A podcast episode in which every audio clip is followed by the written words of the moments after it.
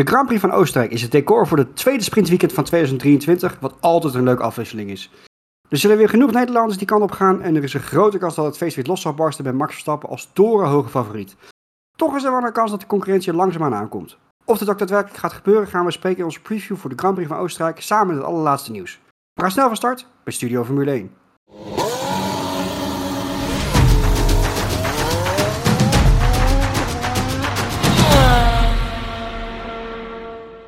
Mannen, goedenavond de Oostenrijkse Grand Prix.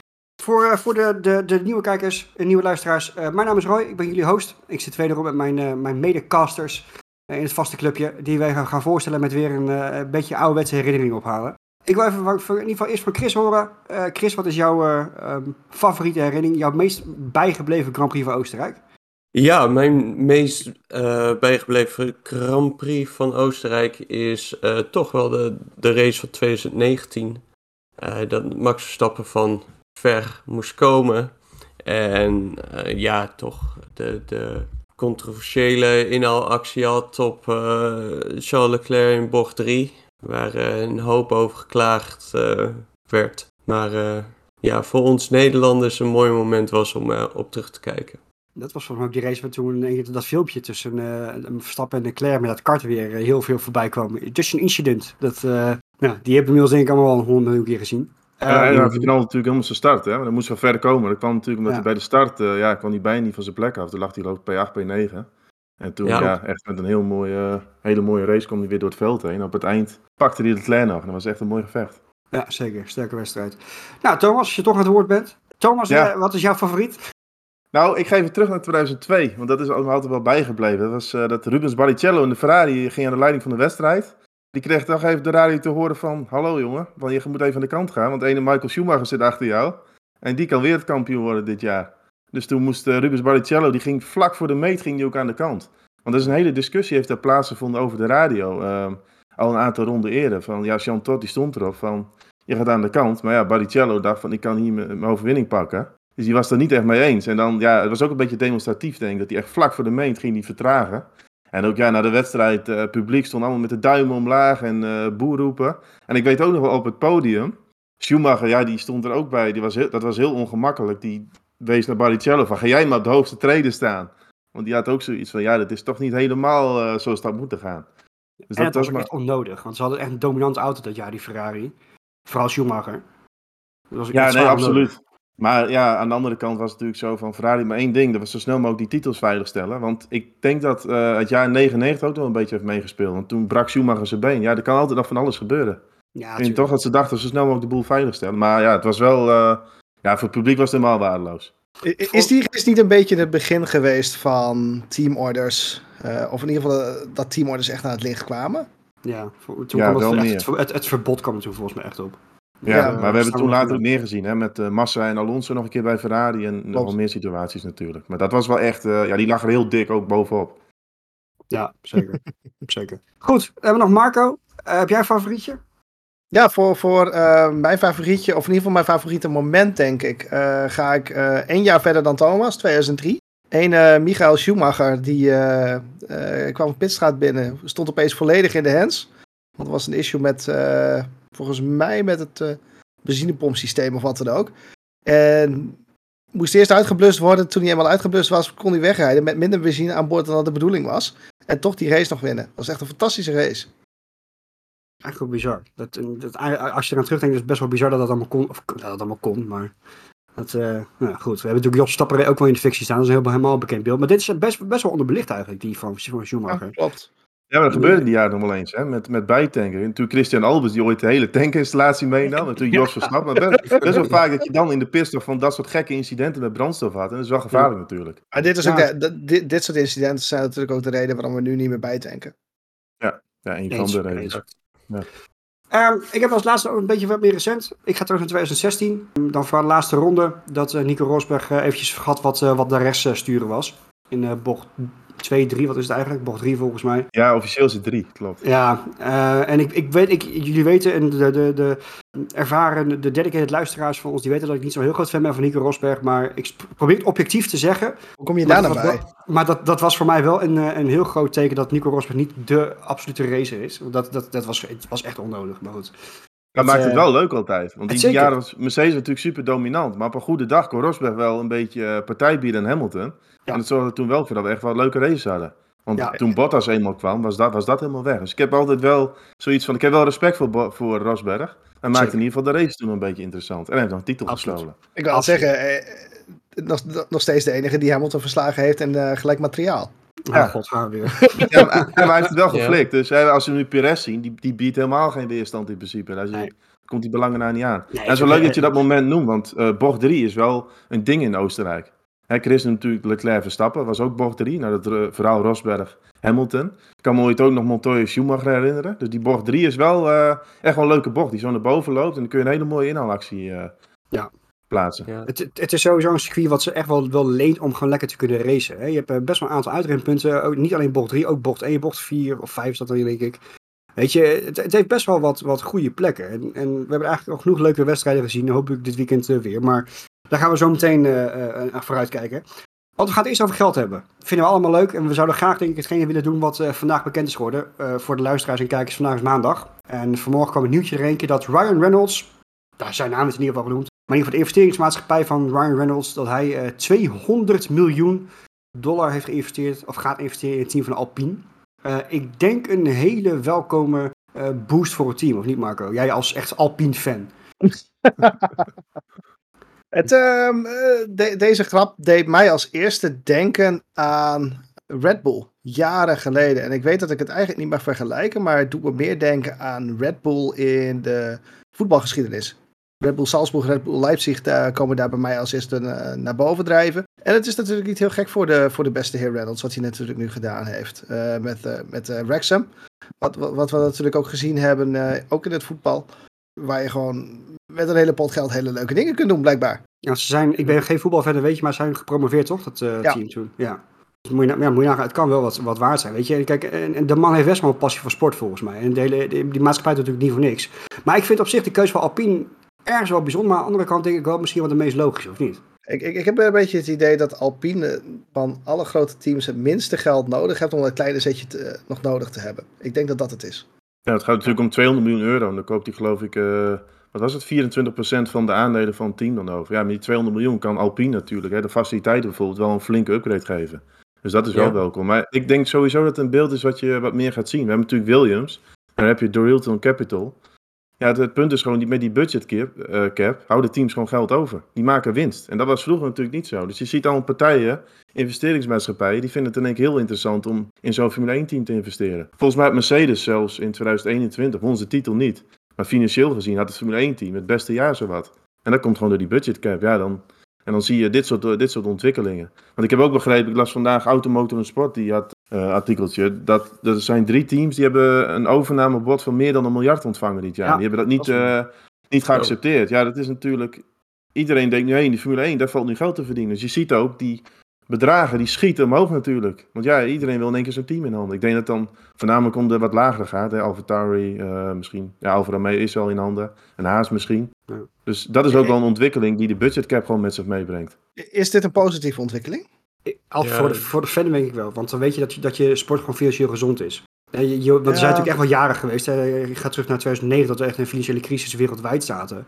Je, toen, was, het- toen, hè, eh, toen ging er, wat er was zo'n apart kampioenschap worden opgezet, weet je wel, teams en ruzieën. was er echt een crisis. Dan wist je gewoon niet of, of heel veel teams stonden op omvallen. Eh, we hebben natuurlijk die nieuwe teams gehad in 2010 die intreden, die eh, na een paar jaar weer verdwenen waren. Ja, die, dat risico heb je nu natuurlijk niet meer. Dus in die zin.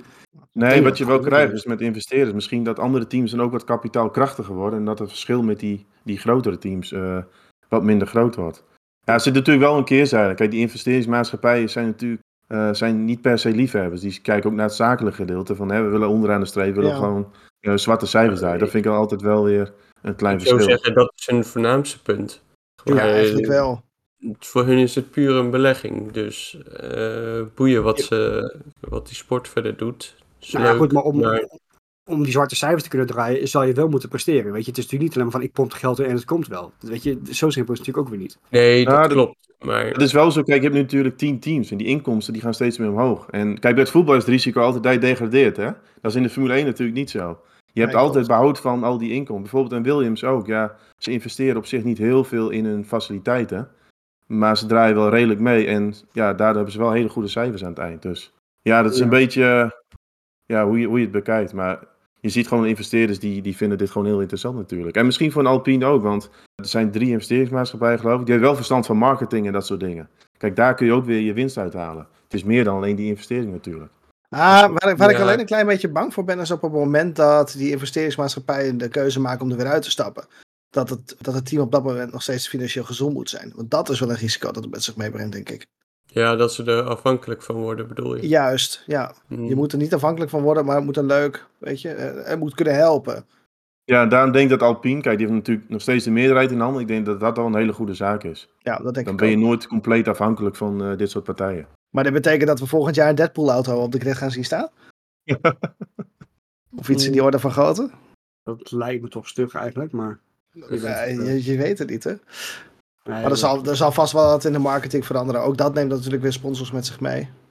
Ja, Lijkt mij. Ja, maar op zich zeg maar, heel veel teams hebben al gewoon een naam. Zeg maar, Williams is ook toen, nou ja, overgenomen, maar de naam Williams bestaat al, nou ja, weet ik voor hoe lang. Ja, maar dat is ook wel nodig, want die teams die hebben die naamsbekendheid ook nodig om, om iets van fans bij, eh, te hebben en bij zich te houden. Ja, Ja, en de natuurlijk een- merchandise eh, te blijven verkopen, dus Klopt. Ja, is natuurlijk een brand op zich. Bijvoorbeeld een Williams en McLaren, die hebben zo'n rijke geschiedenis in de Formule 1. Die naam, die is, heeft al een bepaalde waarde natuurlijk. En her en Ja. der lees je ook wel hè, dat er toch weer nieuwe teams zijn die toch misschien wel heel graag een stapje naar die Formule 1 willen maken. Ja, dat heeft allemaal met die, die budgetcap gewoon te maken. Ja, dat, dat, dat is waar, dat is waar. Nou, Ja, weet je... en Misschien zet dit dan ook zeg maar daarvoor een precedent. Van dat andere teams inderdaad zeggen van hé, hey, als ik een eh, grote investeerder kan vinden. Die mij eh, die daar 200 miljoen of weet ik veel wat in, in wil pompen. Nou goed, Dan, stel dat, eh, dat Alpine volgend jaar vooraan staat. Weet je, dat is Ja, heel mooi, zeker. Nee, ehm, ehm, om eventjes wel bij het geld en bij investeringen te blijven. Eigenlijk was er heel verrassend, tenminste voor mij was het heel verrassend. eh, was er vandaag ook één keer het nieuwtje dat een soortgelijke investering is gedaan eh, bij het team van Hightech. Nu zullen heel veel Formule 1 fans zullen denken van, huh, wie? Eh Hightech is momenteel een team wat in extreem veel klasses rijdt, eh, behalve de Formule 1. Eh, maar als aan hun ligt, komt daar verandering in. Eh, de meesten zullen ze misschien wel kennen van de Formule 2. Rijden ze eh, een beetje middenveld met eh, Isaac, Ha- Isaac Hadjar en Jack Crawford. Beide Red Bull gesponsorde auto's en coureurs. Maar zij, gaan, eh, zij hebben een, een, een, serie ingeschreven voor 2026. Eh hebben ook een mega investering gekregen van... Dan moet ik eventjes de naam erbij zoeken. Mijn excuses, heel slecht voorbereid, maar ik kan het echt niet onthouden. De, de Kazachse zakenman Vladimir Kim. Oh, dat voelt op zich wel mee trouwens. Ehm, eh, maar die heeft echt een, die heeft 25% van de aandelen ge- of heeft, heeft hij gekocht. Hm. En zodoende dus voldoende ehm, ja, geld bij elkaar ge- ge- gekregen, bij wijze van om zich in te kunnen schrijven. Is het realistisch? Want is er echt een compleet nieuw team? Geen fabrieksondersteuning of wat dan ook? Tenminste, eh, er zijn natuurlijk weinig details van de plannen zijn er bekend. Maar is het enigszins realistisch, denken we? Nou, het feit dat ze in zoveel klassen nu actief zijn, dat geeft wel aan dat ze serieus bezig zijn. Dus ik denk dat dat zeker wel realistisch is. Het gaat alleen om, hè, de andere teams zitten daar nooit, nooit zo op te wachten. Want ja, een elfde team, dan moet je natuurlijk die taart die je met z'n allen hebt, van de inkomsten, moet je dan in één keer in elf stukken gaan verdelen in plaats van tien. En daar staat dan een bepaald bedrag tegenover, die ze als vergoeding willen zien. Ja, en daar zal het van afhangen of, zij, of dat nieuwe team dan bereid is om dat te betalen. Ik vind dat wel interessant, want de afgelopen jaren... Hè, Andretti is natuurlijk de meest voornaamste naam die natuurlijk in de afgelopen jaren teruggekomen is. Die, die, die al heel lang op de grid wil terugkomen. Cadillac hebben we een aantal jaar geleden hebben we ook nog gehoord. En aan de andere kant hebben we natuurlijk ook de FOM die zegt... ja, we willen eigenlijk over een aantal jaar naar 26 rijders op de grid hebben. Dus ik, ik vind het een hele mooie ontwikkeling. Eh, Andretti is helaas een klein beetje weggepest, heb ik steeds het idee, door, door die grote namen. Ik denk oprecht dat ze echt wel bang zijn geweest voor Andretti. Laten Ja, we heel eerlijk zijn. Dat is een veel te groot merk, dat gaat veel te veel aandacht vragen. Eh, dat gaat allemaal ten koste van de, van de financiën van de grotere teams. Hightech daarentegen, kleine speler op de markt, een beetje vergelijkbaar met Haas misschien wel als je het zo ziet. Ja, hele andere orde natuurlijk, maar wellicht wel heel interessant. Eh, we moeten Hightech toch een beetje vergelijken met de teams als Trident en MP Motorsports, denk ik. In, Ja. in grootte. Maar ergens ook wel weer tof dat, dat zo'n kleiner team, dat vooral de, de basis heeft in die lagere klasse, nu eindelijk een grote jongen gaat worden en zegt van hé, maar ja, maar we hebben een, hele, een ontzettend groot legio aan, aan eh, jonge toprijders. Schuif maar door die handel. En nu voor de grote deel natuurlijk wel gesponsord door andere teams, maar toch. Ja, ik weet niet. Weet je, je, blijft nog steeds met het ding zitten dat Formule 1 is een heel andere tak van sport. Tuurlijk. Letterlijk en figuurlijk dan Formule 2, Formule 3, Formule 4, waar ze ook allemaal maar zitten. Ze hebben geen fabrieksteun volgens mij. Weet je, het, het is...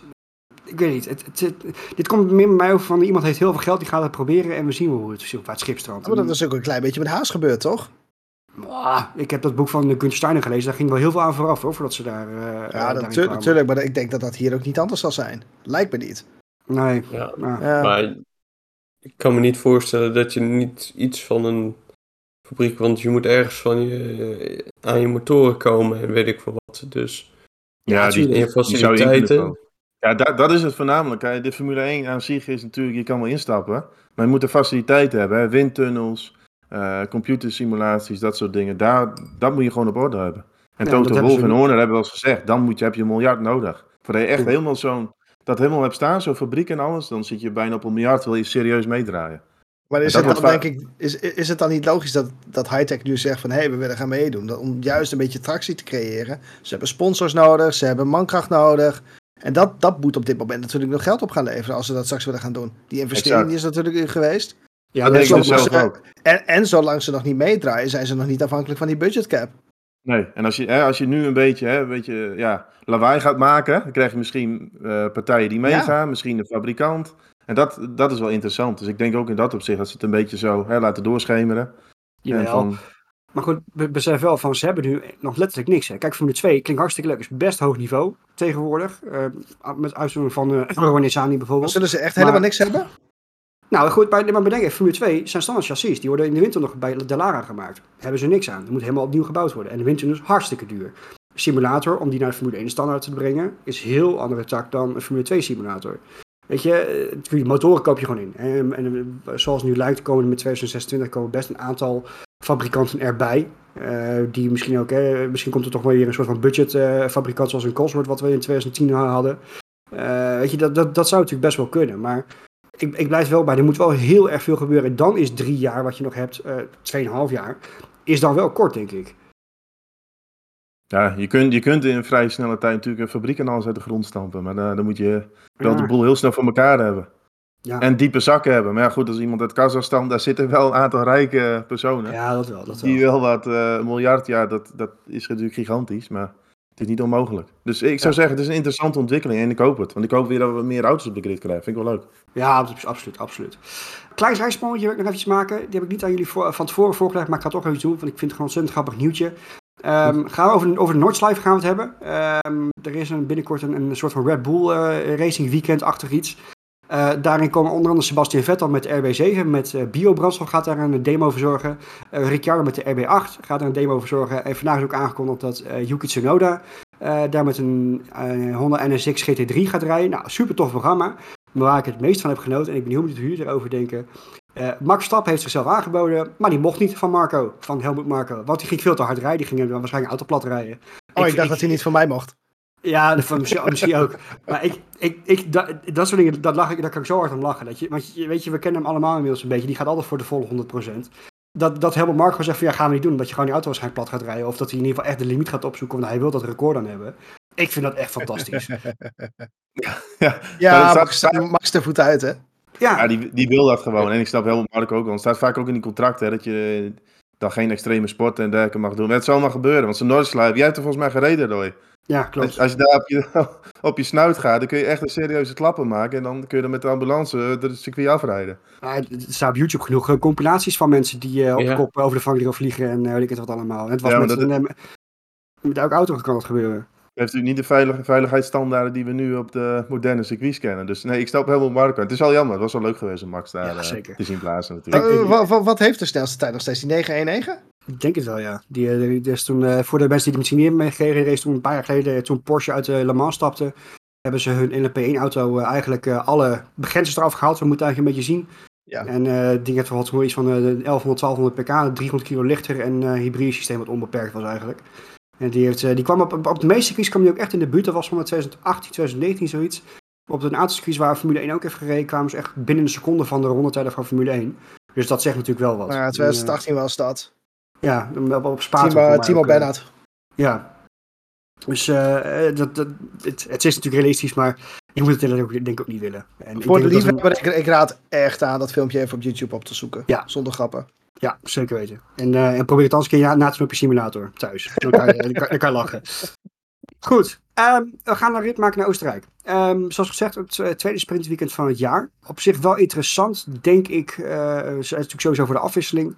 Eh, maar ook omdat je op, op, ja, op Oostenrijk, wat ik al zei, leuk kan, racen. En ik denk aan de sprint, dat Oostenrijk zich goed leent voor een sprintrace, of niet?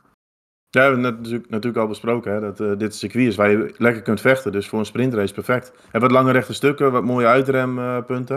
ik vind dat wel bijzonder, want het circuit is eigenlijk heel kort. De rondetijd, wat zal het zijn nu? 1 minuut 3, 1 minuut 4, dacht ik, zet eens op.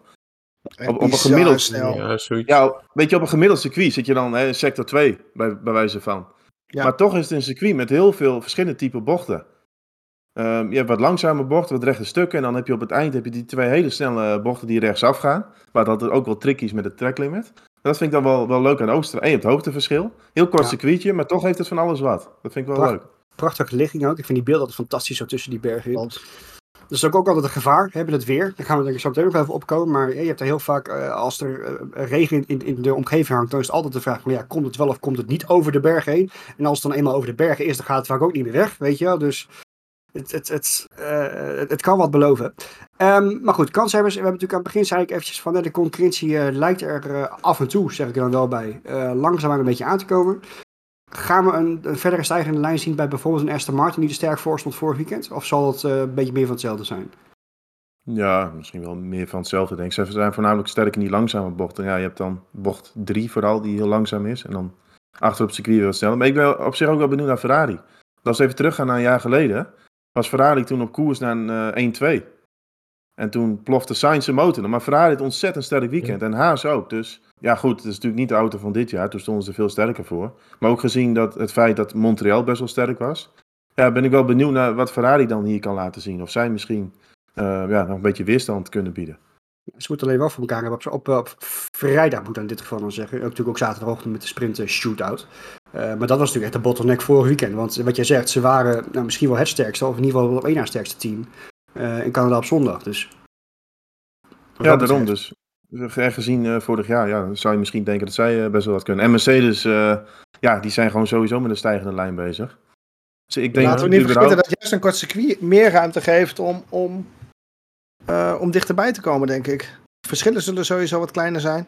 Ja, in kwalificatie helemaal. Eh, wat ik zei, normaal zit je in sector 2. Ja, dit is dan al de streep. Dus je gaat echt zien, Q1, Q2, dat gaat om honderdste, eh, misschien Ja. een tiende verschil. En dat kan er net wel of net niet eh, zijn. Dus het wordt, en, en leuk dat we het dan twee kwalificaties hebben. Zo'n kort Ja, ook zeker. Ik denk Ja. best wel dat er een, een en ander kan gaan gebeuren. Dus. Maar goed, ja, Red maar Bull ik denk blijft- wel dat het vergelijkbaar is met vorige week. Je hebt veel rechte stukken, korte bochten. En buiten dat, zoals voor Ferrari, ik denk heel erg dat. eh, ik hoop heel erg dat ze er meer bij zitten. Maar de concurrentie bovenin is ook veel drukker. Dus eh, je noemde net al Aston Martin en eh, Mercedes. Dus als die marges zo klein zijn, ja, je moet wel echt je best doen om nou ja, op de eerste rij terecht te komen. Ja, natuurlijk. En eh, Red Bull, eh, ja, weten we van. Het is gewoon een super complete auto.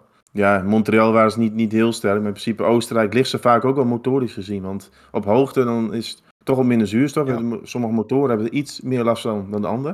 Dat was ook wel het feit dat, dat eh, Verstappen in het verleden altijd sterk was hier met de Red Bull. Omdat die motor dan vaak wel vrij goed op hoogte ging. Dus dat vind ik ook wel een interessant feitje.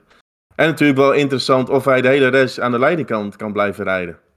Want natuurlijk, vorige, vorige week hebben we natuurlijk de vraag gesteld hè, van, eh, of, of iemand precies wist wie nou de meeste ronden aan één aan de, aan de leiding gereden had. Want ik dacht dat het eh, Clark was. Maar een oplettende kijker zei dat dat niet zo was. Ehm Floren VL, die zei van "A- Ascari, die heeft ooit eh, 305 ronden achtereen aan de leiding gereden. gereden. Dat was in 1952. En Max staat nu natuurlijk op 223. Nou ja, goed. Als hij dan komende zondag de hele wedstrijd eh, aan de leiding ligt, dan komt hij op 294 en dan zou hij dan in Silverstone het record kunnen overnemen. Want de sprintrace stelt er natuurlijk niet bij. Nee, nee, dat is een beetje Dat oneerlijk. zijn natuurlijk ook compleet andere omstandigheden. Nou, en helemaal nu, omdat je natuurlijk ook twee, Dat twee ja. aparte kwalificaties ook hebt. Hè? Dus het is, eh, je kan ze echt niet meer bij elkaar rekenen inderdaad. Nee. Op Silverstone, vlak voor de, de neus van de Hamilton-fans. Oh, sorry. ja, het zou wel leuk zijn dat hij dan even na die ronde dan even, even gaat juichen in de auto. Dat zou wel mooi zijn. Oh, oh, oh, oh. Oh, wat vals. Goed, ja, weet je, En anders kopstaf getetst worden. Oef. Door Hamilton. Dat gaan we hier niet gebeuren. Zo, echt hè? Nou, dan Nou, moet hij dus eerst de komende zondag maar eens de hele wedstrijd eh, aan de leiding zien blijven te rijden. Dus. Het is is wel een circuit onrealistisch. waar ik, het, waar, waar ik de kans het grootste vind dat het misschien niet gaat gebeuren. Klopt. Ben ik met je eens. Ja, gevoelsmatig vind ik het ook wel, eh, wel tricky. Ja, ik, weet, niet- ik weet niet wat, wat het weer doet of Meteo Marco ons daar alvast eh wat inzage in kan geven. Want het speelt natuurlijk ook wel een grote rol. Nou, weet je, laten we gewoon een stapje nemen dan. Eh, want ik, ik noem natuurlijk van het weer is daar altijd best wel tricky. En je weet ook niet of het echt gaat komen en of het blijft hangen. Hoe ziet het eruit? Wordt het zwembad? Wordt het eh zonne? Wordt het verbranden? Eh, het wordt zwembad. Oh god, nee. Ja. Voorlopig op de planning vrijdag, zaterdag, zondag, zaterdag op zondagnacht. Alleen maar regen. Voorlopig het meeste regen op zaterdag. Dat is wel leuk. Moet, valt wel even te zeggen, de voorspelbaarheid is nog vrij laag. Dus er kan er veel in veranderen. Past natuurlijk ook wel een beetje bij, eh, bij het gebied. Je zegt het net ook zelf. Je blijft er een beetje tussen hangen soms. Soms komt het niet, soms drijft het weg. Eh, of blijft het achter de bergen hangen. Ja, dat kan, dat kan hier gewoon gebeuren. Wat, nou ja. Ehm, waardoor het toch soms gewoon uit het niets om kan slaan. En dat is ook wel weer leuk ehm, aan het circuit. Dus ja. Maar de verwachting is wel dat er in ieder geval iets van nattigheid eh, door het weekend heen zal, eh, zal optreden. En ja, ik hoop heel stiekem toch wel op zondag. Toch wel? Jawel. chaos? Ja, zeker. Dat is wel leuk dat dit een sprintweekend is. Dan hebben we in ieder geval kans dat we iets van een kwalificatie of race ergens wel in het weekend eh, onder natte omstandigheden gaan zien dan. Ah, ik, ik durf ja. er mijn geld erop te zetten dat we sowieso een kwalificatie of een race in de nattigheid hebben. Ja, ik vind vooral zo'n kwalificatie, dat vind ik gaaf. Vooral die van vorig weekend. Dat je zo'n Albon en ik zoiets raars ziet doen, weet je wel. Ik vind Ja, dat. Ja, nou bijvoorbeeld Ja. ook zoiets. Ja, ik vind Ja, het fantastisch. zeker weten. Ik hoop dat hij nu Ja, geen maar- eh, drie, drie plekken krijgt, maar goed. Maar ja, dat zullen nog wel eh, mogelijke kanshebbers voor een mooie plek op, deze, op dit circuit. Ja, maar die Hulkenberg, wel een handje van hem in, het- in het verleden ook. Die zien de regen wel echt heel sterk. Het is wel een leuke Ja, outsider als het, eh, als het nat is. En ja, voor de Nederlandse fans natuurlijk. Kijk, eh, zou zeggen, neem dan de poncho mee als het zover is. Dat is natuurlijk ook wel mooi in Oostenrijk. Hè? Die eh, krijgen die oranje zee weer en alles. Ik had begrepen dat er amper Nederlandse fans ging, maar alleen maar McLaren-fans. dat zijn, Dat zijn, dat zijn Norris toch een keer. Ja. Die zei toen... Ja. eh, Dat voor zijn die van de week ook alweer. Ja, dat zei die van al die McLaren-fans. Mooi om te zien. Dus eh, nee, maar dat zat er wel, al wel mooi in Oostenrijk. Het is natuurlijk ook leuk om te bezoeken. Want door het hoogteverschil kun je bepaalde... eh, als je in bepaalde bochten staat, kun je bij het hele circuit overzien. En, en ze komen heel vaak langs. Ook een groot voordeel. Wat ik wel hoop is dat, dat ze deze keer de fakkels thuis laten. ja. Nou, dat Dat- gaat vast niet gebeuren. Maar Nee, nee, nee, natuurlijk niet. Nee, maar vorig jaar was het heel extreem. Ja, klopt. Ja. Ik ben daar überhaupt geen, geen fan van. Afgelopen weekend bij Titi van Assen zie je dan ook eh, Nederlander in de Motor 3. En dan zie je weer allemaal oranje fakkels en alles. Ja, Gelukkig Ja. stond ik daar niet. Maar ook als je erbij staat, het is echt verschrikkelijk. Het ruikt niet lekker. Je, je ziet de race op dat moment helemaal niet. Ik denk, ja, wat is dat dan voor lol aan? Het ergste Dat was vond, ik nog, eh, vond, vond ik nog dat iemand eh, zo slim was om dan een, een rokende brandende fakkel op kurkdroog gas te gaan gooien. Waarna Ja. vervolgens het gas weer in de fik vliegt. Ja, nou goed. Ja. Dus, eh, kijk, als het gas dan nat is, dan kan het nog... eh, hè? Maar, goed, dat, Maar het is eh, wel een trend. Er komt volgens mij een beetje overwaaien van het voetbal waar ze dat wel doen. Maar Ja. vroeger heb ik dat nooit op circuits gezien. Dat, dat je overal fakkels zag. Maar tegenwoordig zie je op veel circuits toch wel eh, van dat soort fratsen. ja, ook al viel het me zeg maar afgelopen weekend bij TT wel op dat het met name tijdens eh, de opwarmronde nog was. Dat zeg maar op het moment van het echte racen was het ook allemaal wel weg. nou, het blijft wel een beetje hangen toch nog? Of viel het mee? Dat viel al mee. Ah, dit weekend viel dat wel mee. Ja. Wel volle bak in oranje rook gestaan, maar dat, dat was weer een ander verhaal. Gratis astma erbij gekregen afgelopen weekend. Ja. Yes. Oké. de tweede graads verbranding, hoppakee. Ja. Alle, alles erop en eraan gehad dit weekend. Echt, echt, een- echt een TT-experience. Je, je mist alleen Oh. nog tussen in, in je poncho te hebben gestaan. Dat hoort er nog een beetje bij natuurlijk. Maar. Ah, dat doen we komend weekend wel. geleden. Ja, Ja, lekker precies, in. Oostenrijk komend weekend. Goed, we gaan lekker vooruitblikken en weer lekker uh, schaamteloos voorspellen. Eh, zoals gewoonlijk gaan we natuurlijk wel de sprint erbij pakken met alleen de winnaar. En dan eventjes eh, aftasten op eh, hoe we hoe we het gaan doen met het weer. Ik begin eens kijken bij Thomas. Ga je hem zelf doen of gaat je eh, artificial intelligence vrienden doen? Nou, ik zit op dit moment even op een andere locatie. Die artif- artificial intelligence heb ik die thuis gelaten. Dus Ah. ik moet het even helemaal zelf doen. Maar ik ga een beetje, denk ik, in lijn van vorig jaar, denk ik. Dat, dat Ferrari misschien best wel wat kan gaan doen. Dan ga ik voor Verstappen. Die gaat de hele race in de leiding. Eh, Leclerc 2. En ja, Mercedes komt er ook wel aan. Dus ik ga voor Russell op 3. En sprintrace wint Verstappen ook in regenachtige omstandigheden. Zelfs een Oké, nou, oké, oké. Eh, Chris? Ik ga voor een Verstappen 1, Alonso 2 en Leclerc 3. Oké. Dat is toch Aston Martin nog wel een beetje vooraan. Ja, dat zal op Alonso vooraan. St- Stroll dan waarschijnlijk. Ja, Ja, Eenmansteam. Nou ja, misschien, hey, het gaat wel regenen. Misschien komt Erten weer bovendrijven voor, uh, komend weekend. Dus je weet het maar nooit. Dus Ja, Of denk dat Ayrton nog wel. eh, een beetje uitgespeeld is bij de beste man. ja, Ja, dat denk ik. Daar ben ik- ook Eh, een beetje bang voor. Ja, nee, eh, Verstappen wint denk ik ook wel de sprint. Ook al lijkt me ook gewoon interessant om een totaal ander, andere winnaar te hebben op zaterdag. Lijkt me onwijs, eh, ja, vermakelijk. ja, ja, zeker. Alright, Marco? Ja, ik ga het een klein beetje gedurfd doen. Niet, niet extreem gedurfd zoals ik dat nog wel nog ineens wil doen. Sargent. Eh, eh, nee, ja, Logan Sargent wint de sprint. Ehm, Hamilton wint de sprint in de zijkende regen. ook wel goed in de regen trouwens. Dus. Ja, ja daarom. Ehm, Hamilton wint ook de feature race in de zijkende regen. Verstappen 2, Norris 3. Oké. Ik vind dit echt een weekend waarop de Mercedes letterlijk en figuurlijk boven moet kunnen drijven. Juist omdat er- als er zoveel regen is als dat we nu voorlopig voorspeld zien. Dat is natuurlijk een klein beetje natte vingerwerk. Maar Ah, nat, wat regen. je bent af. Sorry. Ehm, ja, durf ik de kans te geven dat Hamilton deze race echt boven komt drijven. Want, nou ja, het zal wel, ben ik ook af. Ehm, Nou ja, dat gezegd hebbende, ik denk dat ehm, dit ook, en hij- ik heb hem heel bewust niet genoemd, eh, Russell, die eh, natuurlijk ook in de Mercedes rijdt, hem er ergens aftetst. Dat wil ik even gezegd hebben. Dit is een weekend waarin ik Russell niks gun. niks gun ook echt. Jezus. Ja, maar ik, gun- ik gun hem de wereld, maar ik, Nou, ik ben er nou. een beetje bang voor.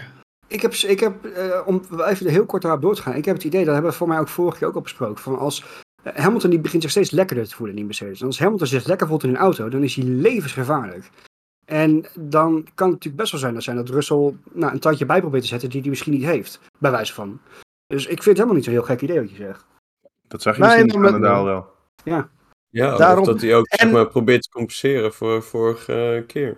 Ja, Nou, dat denk ik nog niet zo. Maar ik denk inderdaad dat de druk van Hamilton op dit moment groter wordt.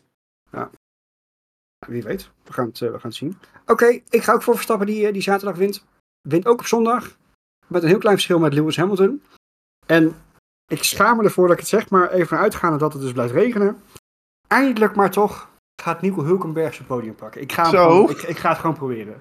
Gewoon Zondag? op zondag. Ja, Op zondag. ja even, Als, uitgaan als dat, dat, dat, gebeurt, jongen. even uitgaan dat Meteo Marco nu eens een keertje goed heeft en zo. Dan... Ik heb Eh, dit jaar er vrij redelijk bij gezeten. Nee, maar ik, ik stond echt van te kijken hoe, hoe, hoe snel hij vorige week was in, de- in, in het nat weer. Dus eh, zonder grap, ik denk dat de pace er dan wel moet zijn. Ehm, Het voordeel van de haas is. Ik heb toevallig een haas shirt aan. Ehm, het voordeel van die haas is, is dat ze in de droge weeromstandigheden enorm door hun band he- banden heen rammen. Ik vraag me af of dat in de regen of met adweerbanden dat nog zo is. Ik denk het namelijk niet. Ik denk dat ze daar best wel redelijk op kunnen managen. Ja, hangt ook van de temperatuur minder. Ja, Ja, daarom. het- En het wil daar best wel fris kunnen zijn. Zeker als het daar gaat regenen. Komend weekend Ja. overigens 2,23 voorspeld. Beetje gemiddelde temperaturen. Maar ja, gewoon als je natte baan is, heb je, je, hebt, je hebt al geen banden. het is voor vooral als het natuurlijk al veel kouder is. Ja. Ja. Ja, ik, eh, ik zou meer eh, ja, kans bieden op de sprint. Als je daar in de kwalificatie snel is. Want die Ja, race is veel korter. Je ziet toch dat ze terugzakken in race pace. Zeg maar, Het is als toch hij... afhankelijk van hoe nat of hoe droog het is. Ja, klopt. Maar als hij daar zeg maar voorin kan starten, dan... Ja, dan Nee, is nee, de tijd dat hij terug kan vallen is minder lang. Laat, Dus, laat me eh, nog even hopen. Het zou mooi zijn als het hem toch lukt in, in die haast. Dat zou fantastisch zijn. Plus je hebt geen DRS natuurlijk in de regen. Waardoor, je Ook, ook, eh, waardoor het überhaupt al wat, eh, wat lastiger wordt. Ja. We noemen overigens, eh, dat vind ik wel interessant, Perez helemaal niet in de, in de top 3. Maar ik denk voor Perez dat het weer zo'n weekend is, die hoopt denk ik op droog. Want het is wel een kort circuit, dus hij, heeft gewoon, hij is altijd een rijder, die heeft, die zeg maar, tijd nodig om dat circuit een beetje aan te voelen. En op zo'n kort circuit heb je dat denk ik wel sneller onder de knie. Dus stiekem, ik heb ook niet in de top 3 staan, maar stiekem denk ik wel dat hij hier weer wat beter voor de dag gaat komen. Dat zal ik wel moeten. Eh, Maar ja, als het regent, ik vind hem in Klesstraat omstandigheden, vind ik hem al te lang dat hij op, de- op tempo is. Ja, En in dit kwalificatieformat krijg je niet, want je hebt vaak maar een kwartier per sessie. En dan, ja, dan valt hij buiten de boot. Dus ja, en vorig jaar ging het hier ook niet goed met Perez. Dus Perez heeft er volgens mij hier altijd een handje van ruzie te krijgen in bocht 6. ja, ja dat klopt. Ja. Ook met Norris een Klopt, keer. ja. ja. Met Norris een keer gehad. Volgens mij heeft hij het met Alonso een keer gehad. Vorig jaar met Bottas, zeg ik even uit mijn hoofd. Dat, dat is ook wel een bocht die vraagt altijd om incidenten. Want hij loopt naar beneden, waardoor Ja. je net niet helemaal lekker kan insturen. En dan duw je En je draait vaak... altijd naar buiten.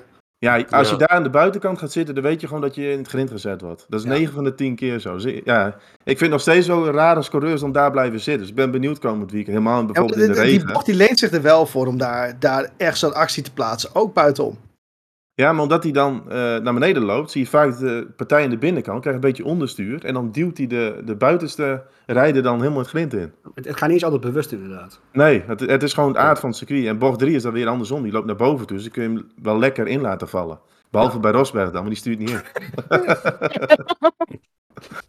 Nou, goed. Ehm, we gaan het zien. Ik, ik, ik, ik, was, eh, ik ben benieuwd eh, ehm, of we er allemaal weer helemaal naast zit. Straks hebben we Lando Norris pakt de eerste overwinning, weet ik veel. Zou ook wel mooi zijn trouwens. Voor Is McLaren, ook sterk in de regen. Is echt een Ja. Ik weet nog in Spa een aantal jaren geleden dat hij op weg was Ja. naar Pool misschien wel, maar dat hij hem helemaal Ja. plat rijdt. Ja. Ja. Ja, ja, dat kan ook gebeuren. Nou, goed. Ehm, tot zover Grand Prix van Oostenrijk. Ik wil even eventjes de, de nabrandersectie eventjes eh, eh, aansnijden. En dan ga even een zijstapje maken naar de elektrische eh, klasse Formule E. Daar kwam een nieuwtje vandaag, of, of het afgelopen weekend naar buiten in Portland. Dat, er een, dat het, het team van DS Penske, waar eh Stoffel van Doorn en Jean-Eric Vernier rijden. Die, hadden, die zijn be- eh, beschuldigd van dat ze proberen live data van andere teams te stelen. Met een, een soort van infrarood. Of nee, een infrarood, een, een radiofrequentieapparaat. Dat ze echt live data van een rijdende auto van een ander team proberen te jatten om... Nou, sorry. Ik, ik, ik, ik, we kennen nog Spygate van 2007, dat we, dat we McLaren Ferrari aan het kopiëren was of andersom. Nee, McLaren Ferrari kopieerden. Ik, dit is toch wel next level, letterlijk en figuurlijk. Die zijn even bij de Piratenboulevard geweest. Maar dat, dat gebeurde vroeger in de Formule 1 geloof ik ook wel. Dat ze ook met scanners bezig waren om de boordradios van andere teams te kunnen afluisteren. Is dat dan misschien gewoon de reden waarom we nu open boordradio's hebben? Ja, dat- Ze hebben nog steeds een geheim kanaal, toch? Ja, ze hebben wel een geheim kanaal. Nu met, ook met andere frequenties. Echt in de jaren. 90 kan ik me herinneren dat er ook wel wat verhalen waren. Dat teams echt wel bezig waren met scanners om toch wat eh, ja, te onderscheppen. Ja. Dus, maar eh, ja, helemaal nieuw is het niet. Het, ja, waar je een voordeel kunt halen, probeer, proberen teams het gewoon. Maar het is, Ja, het wel opmerkelijk eh, verhaal, dat wel. Ja, ik, eh, ik snap er geen zak van, maar goed. Nou goed, tot zover het zijsprongetje, denk ik. Of hebben jullie nog een ander nabrandetje die er eventjes lekker tussen past? Nou, ik, ik vind het wel leuk om even een andere nabranden. Want dit weekend natuurlijk de TT van Assen. Nou, Ziggo Sport deed uitzendingen. En we hebben best wel vaak kritiek op pit reporters. Ehm, en nu was een, een Van Gameren. Wie kent hem niet? Die is tegenwoordig pit reporter bij Ziggo Sport. Ik moet eerlijk zeggen, dat doet hij best wel goed. Ja. En hij werd zelfs gevraagd door het officiële MotoGP-kanaal. We hebben natuurlijk F1 TV. MotoGP heeft ook zijn eigen ding. En daar mocht hij ook gewoon de interviews doen op... eh, ja, Drivers Parade hadden ze daar. Dan mocht hij ook gewoon de interviews doen. Dus wel, wel, vind ik best wel leuk. En ik moet eerlijk zeggen, hij doet het wel goed. We hebben heel vaak natuurlijk kritiek op eh, hè, mensen als Jack Ploy, die nu bij Viaplay zit. Maar ja, hij doet het best wel, eh, best wel goed. Een beetje jammer dat hij natuurlijk... Je hebt een bepaald beeld van hem, dat hij toen Dat is Ziggo het Sport ook. de Formule 1 nog had. Werd hij een beetje als een lulletje weggezet en dan mocht hij dan eh, ja, van die geinige filmpjes starten. Maar nu hij een meer serieuzere functie heeft gekregen als pit reporter, ja. Dus dat vind ik wel leuk om even te benoemen. Ja, nee, eens, eens zeker weten. En eh, vooral mooi wat je zegt, van, hij stond ook al bekend eh, en een beetje het zulletje van het klas. Maar als je diep van binnen ziet dat de man echt extreem veel passie heeft voor... Want dat is ook zoiets. Van hij deed eerst dat hij dus echt net, hè, vooral Formule 1, Formule 1 café, wat anders wat daarbij hoorde. Toen hij bij de MotoGP kwam, hadden we van allemaal zoiets eh, vorig jaar van, eh, oké, een rare stap, weet je wel. Maar hij heeft eigenlijk ons allemaal denk ik wel een beetje verbaasd. Met dat ook direct gewoon, stond hij er gewoon professioneel, eh, echt verstand van zaken, weet je wel. En ook passie gewoon voor de sport. Dus best wel mooi om te zien. Ja, Nou, vond ik wel opmerkelijk. Maar u- ik vond überhaupt de eh verslaggever van Ziggo Sport gewoon hartstikke goed afgelopen weekend. Jullie hebben natuurlijk niks van meegegeven, want jullie zaten allemaal op het circuit. Ik zat lekker eenzaam en alleen op de bank. Nee, zonder grap, maar ik, ik vond het oprecht gewoon goed gedaan. Ik vind het mooi dat ze de, nu, ze hebben natuurlijk de Formule 1 hebben ze verloren, hartstikke jammer. Maar ze nemen de MotoGP daar weer wel heel serieus. Dus eh, en sowieso, weet je, MotoGP is gewoon een ontzettend spectaculaire sport om te volgen. En dus voor de kijkers en luisteraars die dat, die dat nog niet doen, uh, ga het zeker doen. Het, twee wielen is wat anders dan vier wielen, dat weet ik. Maar uh, het is echt uh, spektakel gegarandeerd elk weekend. Dus ga dat. Ga en, dat en ik sprak nog wat mensen uit het buitenland en die zeiden wel allemaal van. Ik sprak ook een Belg die zei van ja, Spa, Spa bijvoorbeeld fantastisch circuit, maar faciliteiten zijn helemaal nul. Ja. Die zeiden wel allemaal van Assen, zijn de faciliteiten, tribunes en alles, die zijn wel heel goed hier. Maar dat zie je echt alles als je het circuit oploopt. Het is echt ja. insane. Ja, ja we, we zijn allemaal prima op, geregeld. Uh. We, we, zijn allemaal op een aantal circuits geweest, ook met alle respect voor Zandvoort. Weet je, het is een prachtig circuit om te zien om op te rijden. Maar ook dat kan qua faciliteiten gewoon niet aan Is dat in de nieuwe, sinds ze vernieuwd hebben, is dat niet beter geworden dan? Natuurlijk is zeker wel, wel beter geworden, dat kon er niet anders. Maar het okay, is gewoon... Ik ben er echt niet geweest nog. Het is echt een wereld van verschil. Met de Formule 1 in Zandvoort hè, hebben ze al die tribunes erbij gezet. Maar dit weekend was bijvoorbeeld DTM. En dan heb je alleen maar die hoofdtribune. Dan, dan is het in één keer weer een heel ander circuit. Heel kaal, heel kil. Ja. En de Formule 1 is fantastisch Zandvoort. Ja, dan, absoluut. Dan heb je al die tijdelijke tribunes. Dus nu hadden ze DTM en dan was er weer helemaal niks, zag ik. En dan, Oh, dat heb je als op zich ook wel. Nee, als heb je Ja, maar die tribunes zijn Nee, gewoon nou, maar vast, niet alles wordt gebruikt natuurlijk. Nee, maar heel veel permanente. En Ja, ja, ja, Zandvoort ja, is echt bijna niks. Heb je een hele kleine hoofdtribune en dat is het wel. Ja, Ja, ja, als je daar komt, zeg maar, zonder dat het Formule 1 is, dan heb je echt iets van de Misty wat... eh, Ja, Kun je beter door naar het strand. Ja, Ja. ja. Nee, ehm, dan hebben we over faciliteiten gesproken. Ehm Mark noemt net even, even een kleine huishoudelijke mededeling voordat wij gaan eh, afronden. Ehm, de mensen die ons hebben gevolgd, op, eh, die ons volgen op Twitter, op het Studio Formule 1. Doe je dat nog niet? Doe het alsjeblieft wel eventjes. Wij zijn er komend weekend niet bij, in ieder geval niet eh, op tijd voor de Formule 1. Want wij gaan met z'n vieren lekker naar Spa-Francorchamps. Eh voor de 24 uur van Spa. De allergrootste GT-race ter wereld. Eh 72 auto's. 72. Eh, ik moet er nog een, een beetje aan wennen. Ik ga ook zeker de oorlog meenemen, want dat gaat eh, anders eh, hoor ik jullie niet meer volgend weekend. Ehm, maar goed, wij zijn er wat later. Ehm, we proberen om dinsdagavond op te nemen, dus hopelijk woensdagavond online. Dan eh, ehm, hebben we alles weer een beetje bij en dan gaan we weer, weer terugkijken op een hopelijk een geslaagd weekend voor op zowel Spa als op de Red Bull Ring. Maar dan weet je wel dat in ieder geval. Ehm, Ga het wel volgen. Eh, wij hebben een, eh, een hele mooie eh, Studio Formule 1 vlag hebben we meegenomen. Toch een beetje schaamteloos promotie maken. Ehm, het is live en gratis te zien op YouTube op het officiële kanaal van, van GT World heet dat dan. Het is eigenlijk gewoon onderdeel van de GT World Challenge natuurlijk. Onder andere Valentino Rossi doet mee. Dus ik denk dat we ook heel veel 46 vlaggen en petjes gaan zien daar zo. Gok ik. Ehm, maar het is gewoon een ontzettend sterk startveld. En echt een aanrader om, om te volgen. Eh, als je Ooit je dit een vra- screenshot eh, naar ons toesturen. Hoppakee. ja, zeker weten. Als je ons ziet, dan eh, gewoon even lekker doen. Probeer jullie af en toe een beetje een fotootje op te uploaden en dergelijke. Om een beetje te kijken van hoe het daar naartoe gaat. Want je kan wel overal komen. Misschien wel een vlogje. Ja, mag jij doen. Dat ben ik niet Ja, aan. dat vind ik prima. Eh, En als geen- nog andere mensen ook naar Spa gaan komen het weekend, zou ik zeggen, zet het in de comments. ja, zeker. leuk. Gaan we even, eh, even meeten. Even, eh, even, een, even een, een biertje doen aan, ik denk 8 euro voor een blikje bier of zo. Maar Studio Formule 1 meeting eh, achter de Roes. ja, precies, precies. Goed. Daar hebben ze wel een hele goede barbecue trouwens, achter de Roos. Hou op, hou op in de Die, voer. die gaan we wel even proberen. Ja, zeker weten. Goed. We gaan afronden, mannen. We gaan, eh, we gaan er tegenaan komend weekend en we gaan een mooi weekend tegemoet op, eh, beide, eh, op beide locaties. Dank jullie wel. Eh, wederom, luisteraars, bedankt voor het luisteren. Kijkers, wederom bedankt voor het kijken. En tot volgende week, tot na de Grand Prix van Oostenrijk.